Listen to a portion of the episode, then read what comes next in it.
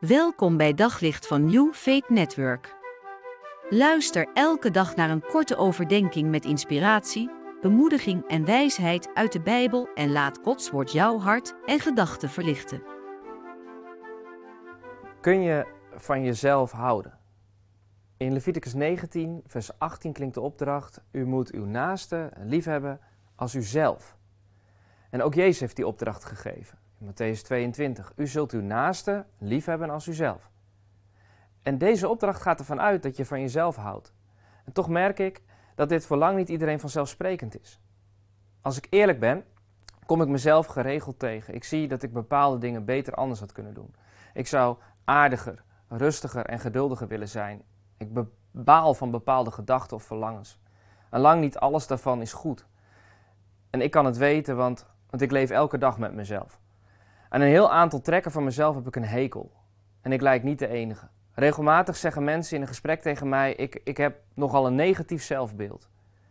Als ik dan vraag waarom, dan noemen ze hun fouten en tekortkomingen op.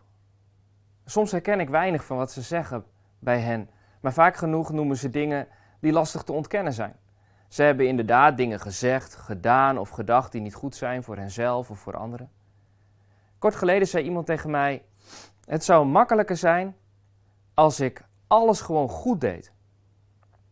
Dat verlangen om het goede te doen, dat heeft Paulus ook. Alleen valt het ook hem tegen. Het valt hem tegen hoe vaak het dan nog misgaat. Hij, hij ziet zelfs een patroon daarin en hij schrijft: Ik ontdek dus deze wet in mij. Als ik het goede wil doen, dan is dat kwade dichtbij mij. Hij wil wel het goede doen, maar hij ziet nog steeds dat hij vaak het verkeerde doet. En uiteindelijk roept hij uit: Ik ellendig mens, wie zal mij verlossen uit het lichaam van deze dood? Is het niet onterecht dat Paulus zo negatief naar zichzelf kijkt? Zou een cursus van negatief zelfbeeld naar positief zelfbeeld misschien wat voor hem zijn? Paulus zou gewoon wat positiever naar zichzelf moeten kijken, wat meer zelfvertrouwen moeten hebben, of niet? Nou, zo gewoon is dat niet. Zulke opmerkingen hebben mij nog nooit verder geholpen en ik heb gemerkt dat ze anderen vaak ook niet verder helpen. Het wordt er vaak zelfs nog beroerder van. Als het je niet lukt om positiever naar jezelf te kijken, dan doe je dat ook nog eens fout en zo wordt je zelfbeeld nog negatiever. Maar Paulus is nog niet uitgesproken. En hij komt niet terecht bij een positief zelfbeeld, maar bij een positief godsbeeld. Paulus die riep uit: Ik ellendig mens, wie zal mij verlossen uit het lichaam van deze dood?